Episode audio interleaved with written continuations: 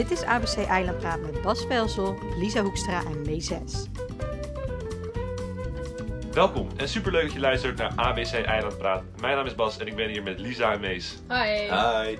Eigenlijk zouden we over een paar dagen het vliegtuig pakken om naar Curaçao te gaan, maar door het grote C-woord is onze vlucht geannuleerd en zitten wij nu thuis in Amsterdam. Omdat wij onze afgelopen maanden hebben verdiept in de ABC-eilanden en dan met name Curaçao, vinden wij het leuk om ook in deze tijd de ontwikkelingen op deze eilanden te volgen. Dit is dus de ideale plek om op de hoogte te blijven van al het nieuws van Aruba, Bonaire en Curaçao.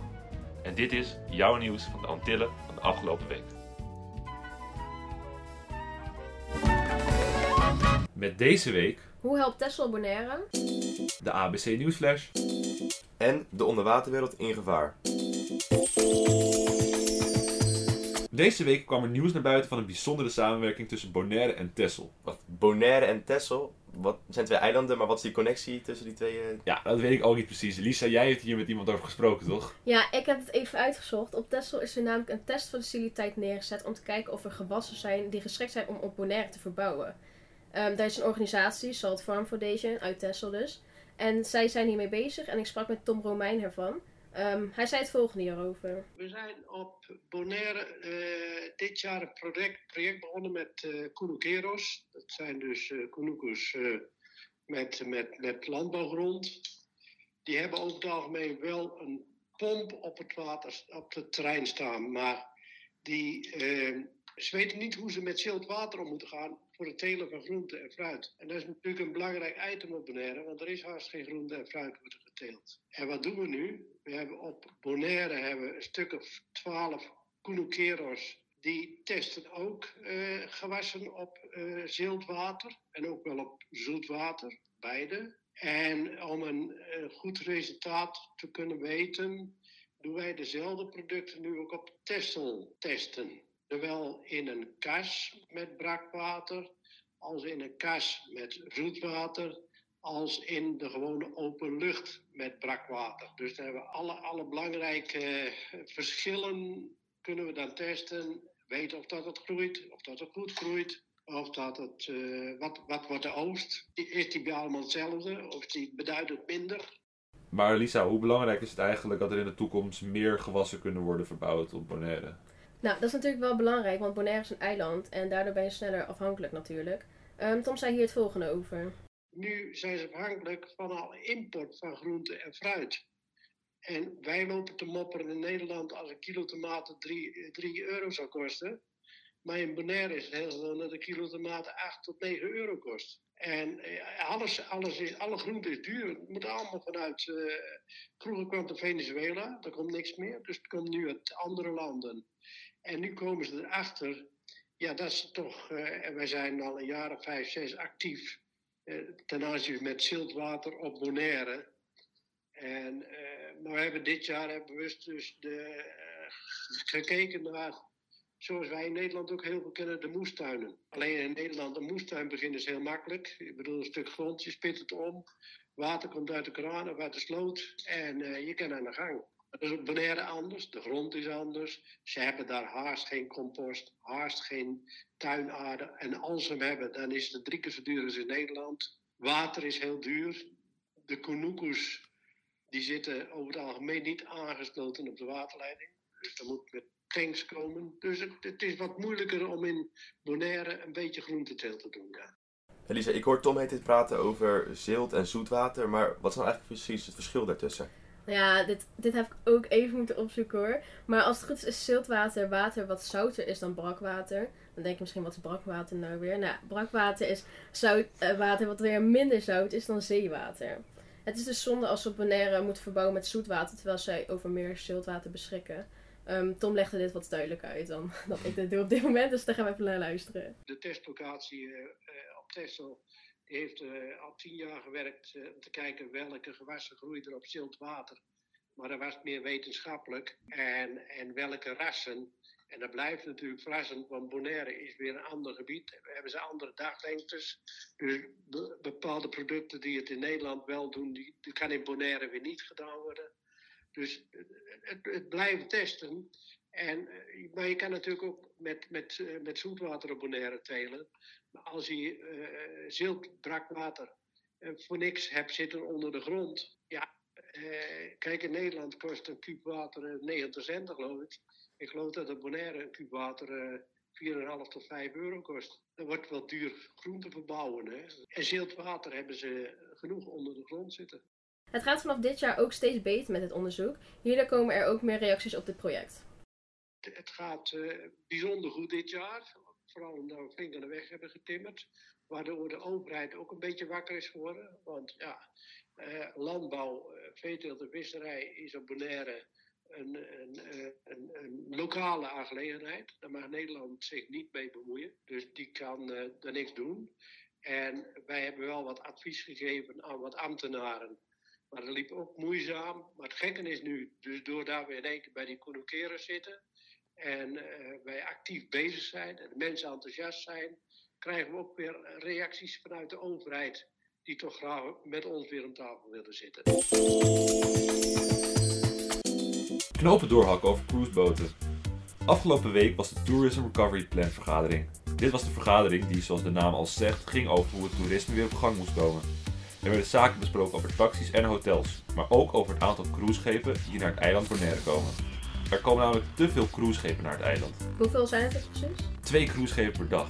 Twee, maar die ding zit toch veel te groot. Past het überhaupt op dat eiland? Ja, zo'n cruiseschip blijft niet heel lang, maar het past in principe wel. Toch willen veel mensen van het aantal af. Zij willen dat alleen nog maar de kleinere, exclusievere schepen aan mogen meren. Maar dat zou betekenen dat veel toeristische bedrijven niet meer boven de crisis uit gaan komen. Op Bonaire moet dus een grote knoop worden doorgehakt, maar daar zijn ze nog steeds niet helemaal over uit. Onderwijs is failliet. De regering wil 46 miljoen gulden bezuinigen in het onderwijs. Is het niet een beetje te veel? Ik bedoel, het onderwijs is toch wel belangrijk? Ja, en dat vinden schoolbesturen dus ook. Het zou het faillissement van het onderwijs worden volgens hun en ook nog eens het onderuit halen van het bestaansrecht. De bezuinigingen van 18% op het onderwijs zijn volgens velen het domste wat ze kunnen doen. Volgens verschillende schoolbesturen mag de regering een paar jaar later dan weer investeren in justitie en gevangenissen. Ja, maar echt, eh, ik bedoel, onderwijs houdt ook zeker mensen van de straat. Ja, inderdaad. En daarom is iedereen er ook zo boos over. Een van de sprekers namens de schoolbesturen zei: De ministers moeten niet elk apart kijken in hun ministerie waar wel of niet bezuinigd kan worden. De regering moet namelijk als een geheel bekijken en prioriteiten stellen en bezuinigen daar waar het echt kan en daar waar het echt niet kan. Zoals onderwijs. Zorgmedewerkers gekort. Nog meer bezuiniging nieuws. De zorgmedewerkers zijn bang dat de 12,5% korting op de arbeidsvoorwaardenpakket ook voor hen gaat gelden. Dat blijkt uit de brief die de Stichting Federatie Zorginstellingen aan de minister van Gezondheid heeft gestuurd.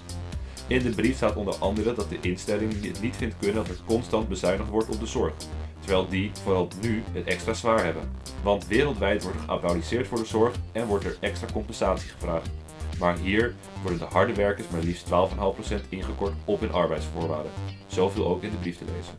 Wat er nu gaat gebeuren is nog onduidelijk, maar de SFZ heeft gezegd graag in gesprek te willen gaan over de bezuiniging.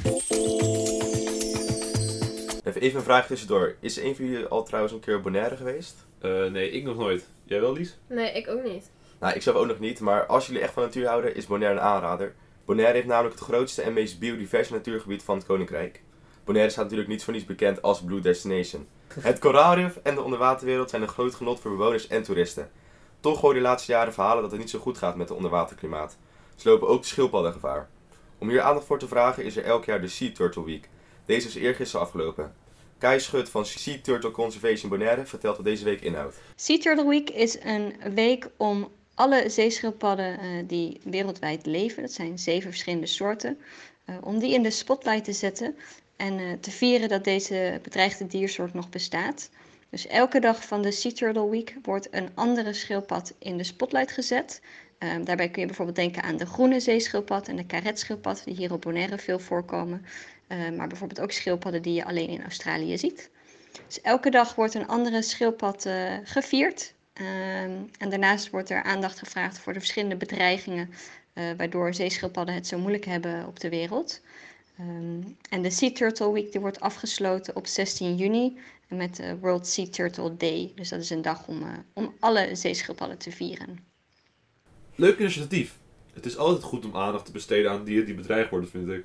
Ja, zeker. Maar hoe staat het nu dan met de schildpadden op Bonaire? Hoeveel zijn er nog? Ja, dat weet ik zelf ook niet precies, maar deze vraag heb ik voorgelegd aan Kai. Ze vertelt hier het volgende over. We hebben in november van afgelopen jaar een, uh, een onderzoek gepubliceerd uh, en daarin een, schatting aangegeven van het aantal groene en karetschildpadden uh, langs de westkust rondom Klein Bonaire en in Lakbaai.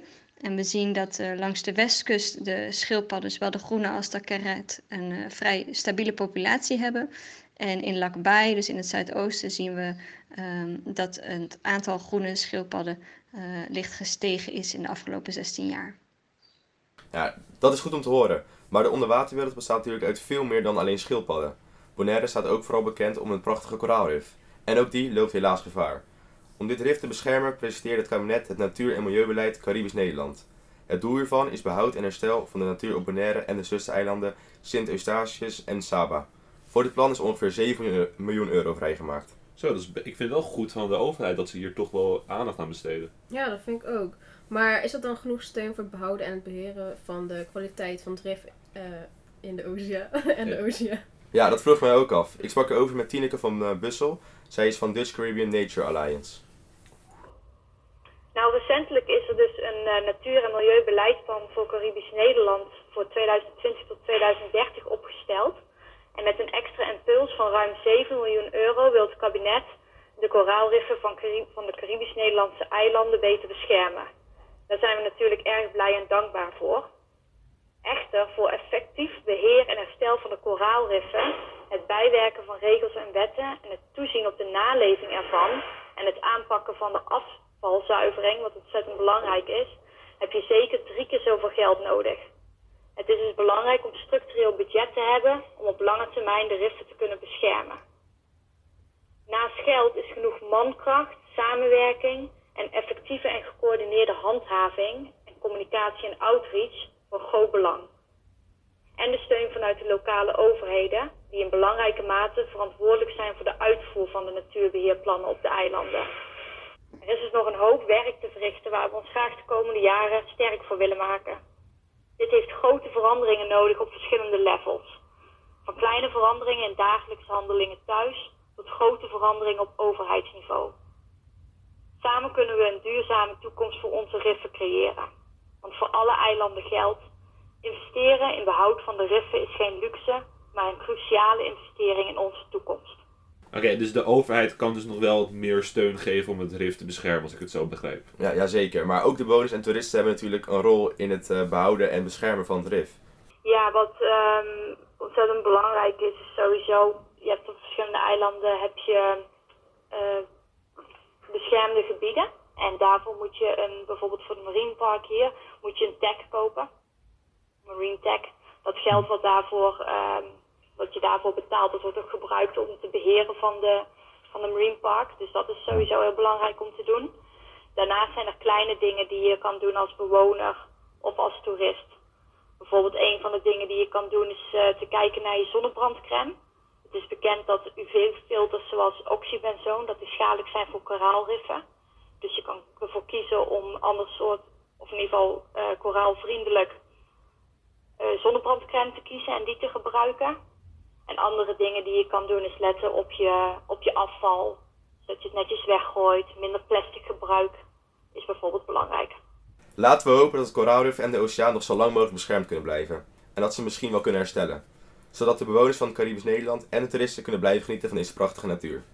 Oh ja, zeker. En uh, ik denk dat ik alweer waar mijn volgende vakantie naartoe ga hoor. Ik ga zeker naar uh, de Blue Destination. Nou, ik ga mee. Goed plan.